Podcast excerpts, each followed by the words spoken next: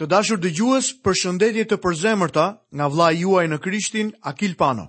Jam mirënjohës Perëndisë për privilegjin që ai na ka dhënë të studiojmë fjalën e tij të gjallë. Në këto seri emisionesh jemi duke studiuar në Ungjillin sipas Lukës dhe në mësimin e kaluar kemi folur për kapitullin e 9 të këtij ungjilli. Tema e këtij kapitulli Ishte autorizimi i Jezusit dhe dërgimi i të dymbëdhjetë dishepujve të tij. Më pas, pamë që Jezusi ushqeu pesë mijë njerëz. Jezusi do ta shpallë veten e tij në vdekjen dhe ringjalljen e tij. Sot ju kujtoj që jemi duke studiuar sërish kapitullin e nëntë të Ungjillit sipas Lukës dhe tema e mësimit të sotëm do të jetë shpërfytyrimi dhe më pas do të shohim Jezusin i cili dëbon demonë nga një djalë. Në lidhje me transformimin, ungjilltari Luka, i cili në profesion ishte dhe doktor, shton diçka që shkruajtësit e tjerë të ungjijve e kanë lënë mënjanë jashtë. Do të fillojmë leximin tonë në kapitullin e 9 të ungjillit sipas Lukës, që nga vargu i 27. Në të vërtetë po ju them se këtu janë të pranishëm disa që nuk do ta shijojnë vdekjen përpara se ta shohin mbretërinë e Perëndisë. Simon Pjetri i interpreton këto vargje për ne. Ai thotë që pa mbretërinë. Ku e pa? Pjetri ishte me Zotin në malin e shenjtë. Ai ishte një dëshmitar okular i saj. Apostulli Pjetër na tregon për këtë tek letra e dytë e Pjetrit, në kapitullin e parë nga vargjet 16 deri në vargun e 18, ku ai thotë, Sepse nuk jua bëmë të njohur fuqinë dhe ardhjen e Zotit tonë Jezu Krisht, duke shkuar pas përrallave të sajuara me mjeshtëri, por sepse jemi dëshmitarë okularë të madhështisë së tij, sepse ai mori nder dhe lavdi nga Perëndia Ati, kur i erdhi ky zë nga lavdia e madhërishme. Ky është biri im i dashur, në të cilin jam kënaqur. Dhe ne e dëgjuam këtë zë që vinte nga qielli, kur qemë bashkë me të në malin e shenjtë. Ky është edhe shpjegimi që jep Simon Pjetri dhe është më se i mjaftueshëm për ty dhe për mua. Mendoj se ky njeri duhet të dijë më tepër se disa studiues modernë që nuk ishin prezent në malin e shpërfytyrimit. Lexojmë në vargun e 28. Dhe ndodhi që afërsisht 8 ditë pas këtyre thënieve, ai mori me vete Pjetrin, Gjonin, Jakobin dhe u ngjit në mal për t'u lutur. Zoti Jezus merr Pjetrin, Jakobin dhe Gjonin për t'u lutur në mal. Ndërkohë që Zoti Jezus ishte duke u lutur, ne do të shohim që fytyra e tij u transformua. Ajo që ndodhi atje në mal ishte e ngjashme me përvojën e larvës. Në fillim kemi vetëm një larvë. Pastaj ajo e mbështjell vetveten në një fshikës dhe jashtë saj del porsi një flutur e bukur. Transformimi nuk paraqet hyjninë e Krishtit, por anën njerëzore të tij.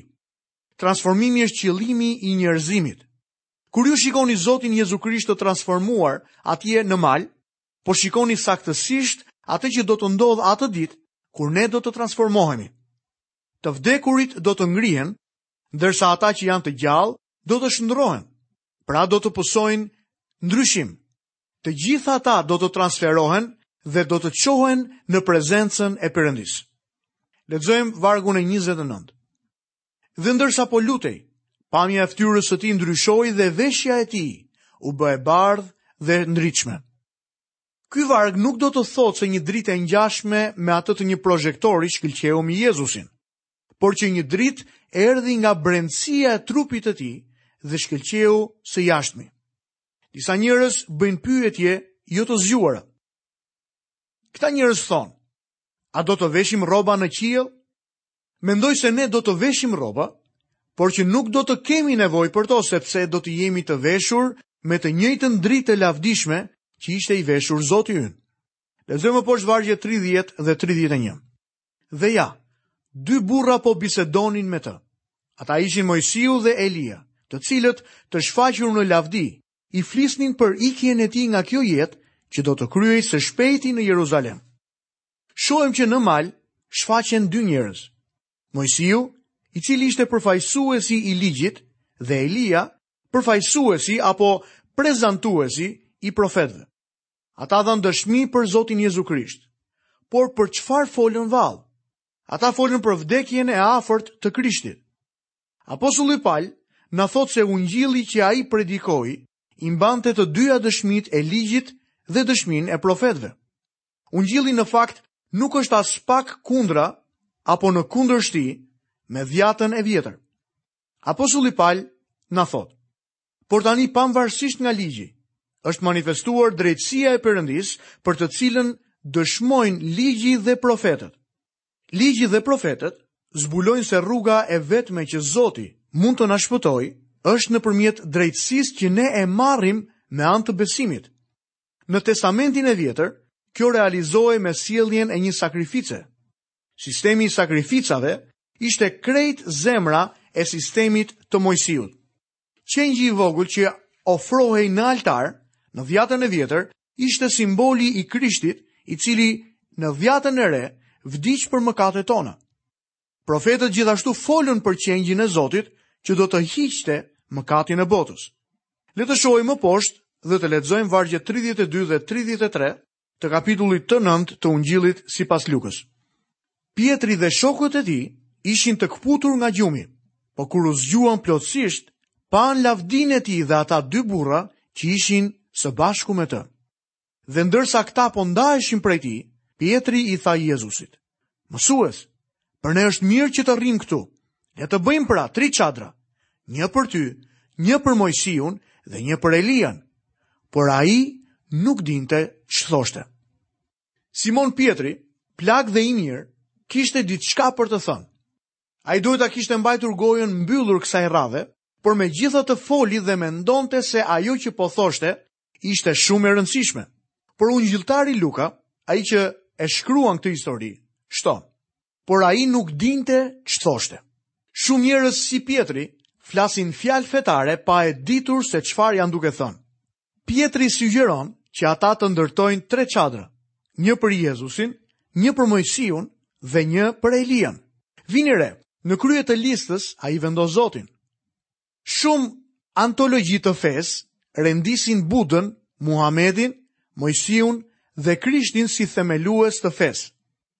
Ndoshta mund t'ju duket e çuditshme, por Jezu Krishti nuk është themeluesi i ndonjë feje. Ai është shpëtimtari dhe kjo është arsyeja pse ne nuk shpëtohemi nga feja. Ne jemi të shpëtuar prej Krishtit. Mbaj mend që dikush, shumë kohë më parë, ka thënë, kur erdha te Krishti, e humba fenë time. Shumë njerëz sot kanë nevojë të humbasin gjithçka që ka të bëjë me ta dhe të gjejnë Krishtin.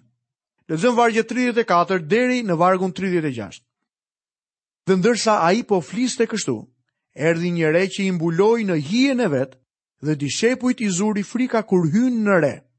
Dhe një zë dilte nga reja duke thënë, Ky është biri im i dashur, dëgjojeni. Dhe ndërsa fliste ky zë, Jezusi u gjet krejt vetëm. Ata heshtën dhe në ato ditë nuk i treguan kurrkujt asgjë nga ç'kishin parë. Tani më poshtë do të lexojmë edhe do të shohim së bashku Zotin Jezus i cili dëbon demonët nga një djalë. Lexojmë nga vargu 37 deri në vargun 43. Të nesërmen kur ata zbritën nga mali, ndodhi që një turmë e madhe i doli përpara Jezusit. Dhe ja, një burrë nga turma filloi të bërtasë duke thënë: "Mësues, të lutem, ktheje vështrimin mbi djalin tim, sepse është i vetmi që kam." Dhe ja, një frymë e kap, dhe menjëherë ai bërtet, pastaj e përpëlit dhe e bën të nxjerrë shkumë dhe mezi largohet, pasi e ka sfilitur.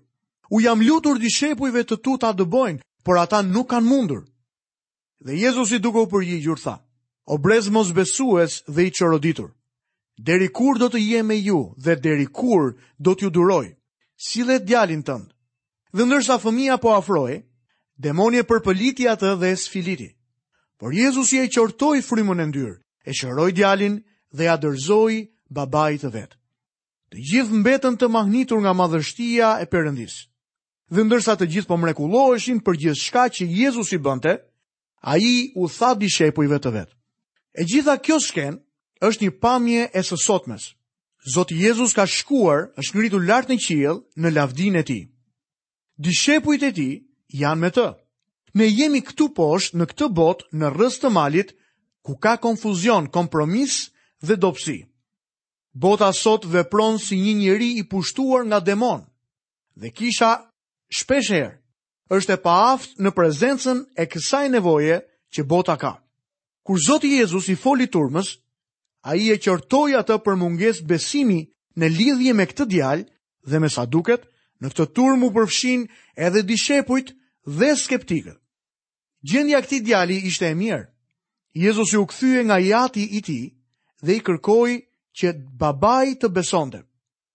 Shkruajtësit e tjerë të Ungjijve na tregojnë se babai i këtij djali bëri një përgjërim, një lutje të dëshpëruar në lidhje me besimin e tij. Dishepujt ishin të hutuar, sepse kishin dëbuar demonë më parë, mirëpo në këtë rast, dukej sikur nuk funksiononte për ta, ata nuk mund të bënin asgjë. Zoti ynë konfirmon se ky rast ishte ndryshe për shkak të seriozitetit të cilin ai e zbuloi. Zoti e qortoi demonin, shëroi fëmijën dhe ia dorëzoi atë të Atit. Procesi i dëbimit të demonit zbulon sërish seriozitetin e kësaj çështje. Le të shohim më poshtë Jezusin i cili drejtohet për në Jeruzalem. Pas çlirimit të djalit të pushtuar nga demonët, Zoti dhe dishepujt e tij e drejtuan atë për në Jeruzalem. Edhe një herë tjetër Zoti ynë flet për vdekjen e tij të pashmangshme. Lexojmë vargjet 44 dhe 45. I shtini mirë në vesh këto fjalë, sepse biri i njeriut do të bjerë në duart e njerëzve. Por ata nuk i kuptuan këto fjalë. Ato ishin të fshehta dhe për këtë shkak ata nuk i kuptonin dot dhe druanin ta pyesnin për ato që kishte thënë. Ata nuk e kuptuan saktësisht këtë punën e ngritjes nga të vdekurit. Këtu Zoti Jezus po flet për vdekjen e tij dhe ju mund të mendoni që këta njerëz së paku mund të kishin bërë ndonjë pyetje. Vargu 46. Pastaj midis tyre filloi një grindje, se cili prej tyre do të ishte më i madhi. Ju mund të mendoni se pas transformimit, ata do të përuleshin dhe do t'i bindeshin vullnetit të Zotit Jezus. por në të kundërt, u bënë ambiciozë dhe egoistë. Mendonin për kurorën dhe kështu e lanë pas dore kryqin. Ata lakmonin fyerjen, mburrjen. Ky ka qenë edhe mallkimi i dishepujve të tij që prej asaj dite dhe deri në ditët tona. Ky është një nga mallkimet që qëndron sot mbi kishën.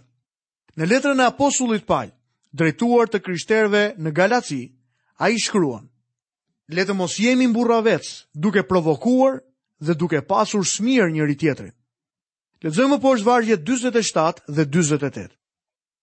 Atëherë Jezusi, duke ditur ç'mendime kishin në zemrat e tyre, mori një fëmijë të vogël, e afroi pranë vetes dhe u tha atyre, Ai që e pranon këtë fëmijë të vogël në emrin tim, më pranon mua, dhe ai që më pranon mua, pranon atë që më dërgoi mua, sepse ai që është më i vogli nga ju të gjithë, ai do të jetë i madh.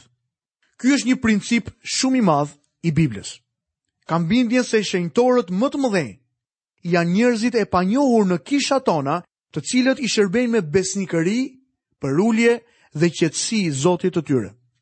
Lexojmë më poshtë vargjet 49 deri në vargun 53. Atëherë Gjoni e mori fjalën dhe tha, Mësues, ne pamë një që i dëbonte demonët në emrin tënd dhe ia ndaluam, sepse ai nuk të ndjek së bashku me ne.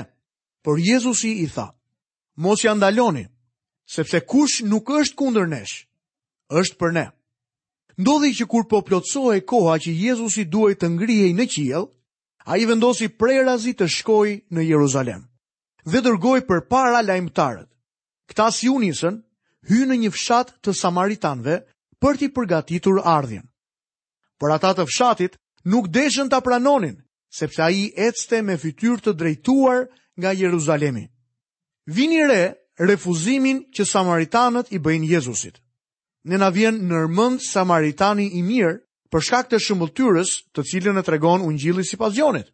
Por në fakt, ata nuk ishin më të dashur se hebrenjtë, që të dy e refuzuan Jezusin. Lexojmë më poshtë vargun e 54.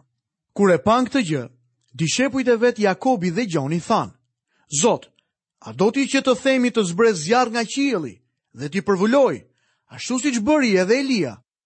Gjoni është menduar gjithmonë si një apostull i edukuar, biles shpeshherë shohim shkrues të ndryshëm ta quajnë atë apostulli i letrave të mbushura plot me dashuri, por vini re se sa i papërmbajtur zbulohet Gjoni në këtë vend. Lexojmë vargjet 55 dhe 56. Por ai u kthye nga ata dhe i qortoi duke thënë, ju nuk e dini nga cili frymë jeni, sepse biri i njeriut nuk erdhi për të shkatërruar shpirtrat e njerëzve, por për t'i shpëtuar. Pastaj shkuan në një fshat tjetër. Jezusi qortoi çdo lloj fryme sektare. Çfarë qortimi therës? Biri i njeriut nuk erdhi për të shkatërruar shpirtrat e njerëzve, por për t'i shpëtuar. Në një rast tjetër, ai thotë, Biri i Perëndisë ka ardhur të kërkojë dhe të shpëtojë atë që kishte humbur. Shikojmë që Gjoni e kishte keqkuptuar plotësisht qëllimin e ardhjes së Zotit Jezu Krisht në botë. Le të shohim më poshtë Jezusin i cili shpall testin për dishepujt. Në këtë pjesë do të shohim tre zbatime për ata që duan të bëhen dishepuj të Krishtit. Vini re që kjo nuk është një paraqitje e rrugës së shpëtimit. Këtu nuk bëhet pyetja çfarë duhet të bëj që të shpëtohem. Më tepër jepet ajo çfarë kërkohet për të qenë një ndjekës, një dishepull i Krishtit. Kandidati i parë është një i ri i vrullshëm dhe i rrëmbyer. Lexojmë vargjet 57 dhe 58. Ndodhi që ndërsa po ecnin rrugës, dikush i tha, Zot, unë do të të ndjek kudo që të shkosh. Por Jezusi i tha, Dhelprat kanë strofat dhe zogjtë e qiellit fole. Kurse biri i njeriut nuk ka ku ta mbështesë kokën. Kur udhëtonin, nuk kishte rezervime për ta në ndonjë hotel. Mirëpo le të shohim, a e ndoqi i riu Jezusin? Nuk na thuhet asgjë për këtë çështje. Do të më pëlqente që ai ta kishte ndjekur. Lexojmë vargjet 59 deri në vargun e 60. Pastaj i tha një tjetri, ndiqmë. Por ai përgjigjej. Zot, më lejo më parë të shkoj e të varros atin tim. Jezusi i tha, lëri të vdekurit t'i varrosin të vdekurit e vet. por ti shko dhe prediko mbretërinë e Perëndisë. Kandidati tjetër kishte marrë vendimin për të ndjekur Jezusin, por ai donte të varroste së pari atin e tij. Në më të shumtën e rasteve, ky varg është keqkuptuar. Jezusi nuk po e ndalon këtë djalë të ndjekë funeralin e atit të tij, por në fakt, ky i ri po i thotë Jezusit që duhet të kujdesej për të atin derisa ai të vdiste. Pasi të ishte larguar i ati, ai do të ishte i lirë për të ndjekur Jezusin. Kur bëhet fjalë për dishepullizimin, dashuria njerëzore zë vendin e dytë sipas vullnetit të Perëndisë. Kur midis marrëdhënieve njerëzore dhe Krishtit ngrihet një konflikt, Zoti Jezu Krisht kërkon vendin e parë. Gjithsesi, vullneti i tij dhe marrëdhëniet njerëzore jo gjithmonë mund të bien në konflikt. Lexojmë vargjet 61 dhe vargun 62. Akoma një tjetër i tha: Zot, unë do të të ndjek, por më lejo më parë të ndahem me ata të familjes time. Jezusi i tha: Asnjë njeri që ka vënë dorë në parmend dhe kthehet dhe shikon prapa, nuk është i përshtatshëm për mbretërinë e Perëndisë. Shohim që kandidati i tretë kërkonte leje për t'u thënë të dashurve të tij të zemrës, anëtarëve të familjes së tij, miqve dhe farefisit të tij, me shumë mundësi ndoshta edhe njerëzve të cilët punonin në të njëjtin biznes me të, fjalët e fundit të lamtumirës. Ai po e ndiqte Jezusin me gjysmë zemre. Dëshironte të bëhej dishepull, por në të vërtetë nuk donte të bënte ndonjë sakrificë. Ai nuk ishte i nxitur nga ngulmi, rëndësia e misionit. Mbani mend që Zoti Jezu Krisht ishte ende në rrugën e tij drejt kryqit. Ai po drejtohej në mënyrë të palëkundur për nga Jeruzalemi. Miqtë mi të dashur, kostoja, çmimi i të paguarit për të qenë një dishepull është e lartë. Kërkon që të japim gjithçka që ne kemi. Për këtë çështje, apostulli Pal na shkruan në letrën drejtuar Filipianëve, kapitulli 3, vargjet 13 dhe 14, dhe ky do të jetë vargu i fundit në mësimin e sotëm. Vëllezër, sa për vete, nuk mendoj se e kam zënë, por bëj këtë, duke harruar ato që kam lënë nga pas dhe duke u prirur drejt atyre që kam përpara, po rend drejt synimit, drejt çmimit të thirrjes së lartme të Perëndisë në Krishtin Jezus. Të dashur miq, këtu kemi mbërritur dhe në fundin e emisionit të sotëm. Jam mirënjohës Perëndisë që së bashku kemi qëndruar për disa minuta në studimin e fjalës së Perëndisë. Ju kujtoj që në emisionin e ardhshëm do të fillojmë studimin e kapitullit të 10 të Ungjillit sipas Lukës. Deri atëherë, Nga vëllai juaj në Krishtin Akil Pano, paçi të gjitha bekimet e Perëndisë dhe paqen e tij në jetën tuaj. Bashkë mirudëgjofshim.